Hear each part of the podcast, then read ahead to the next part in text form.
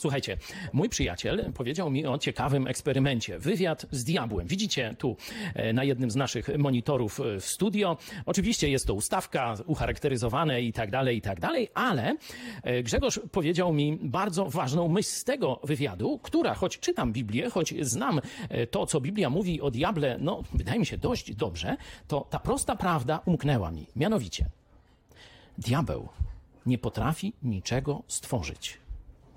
Bóg jest stworzycielem. Wszystko, co dobre, zrobił i robi Bóg. Diabeł potrafi tylko niszczyć, psuć. I teraz pytanie, czy Twoje życie to jest budowanie, dodawanie, dawanie czegoś, pokazywanie Bożej prawdy, czy też jest to psucie Bożej prawdy, psucie dobrych rzeczy? Odpowiadając sobie na to pytanie, będziesz miał odpowiedź na to, komu służysz, Bogu czy diabłu.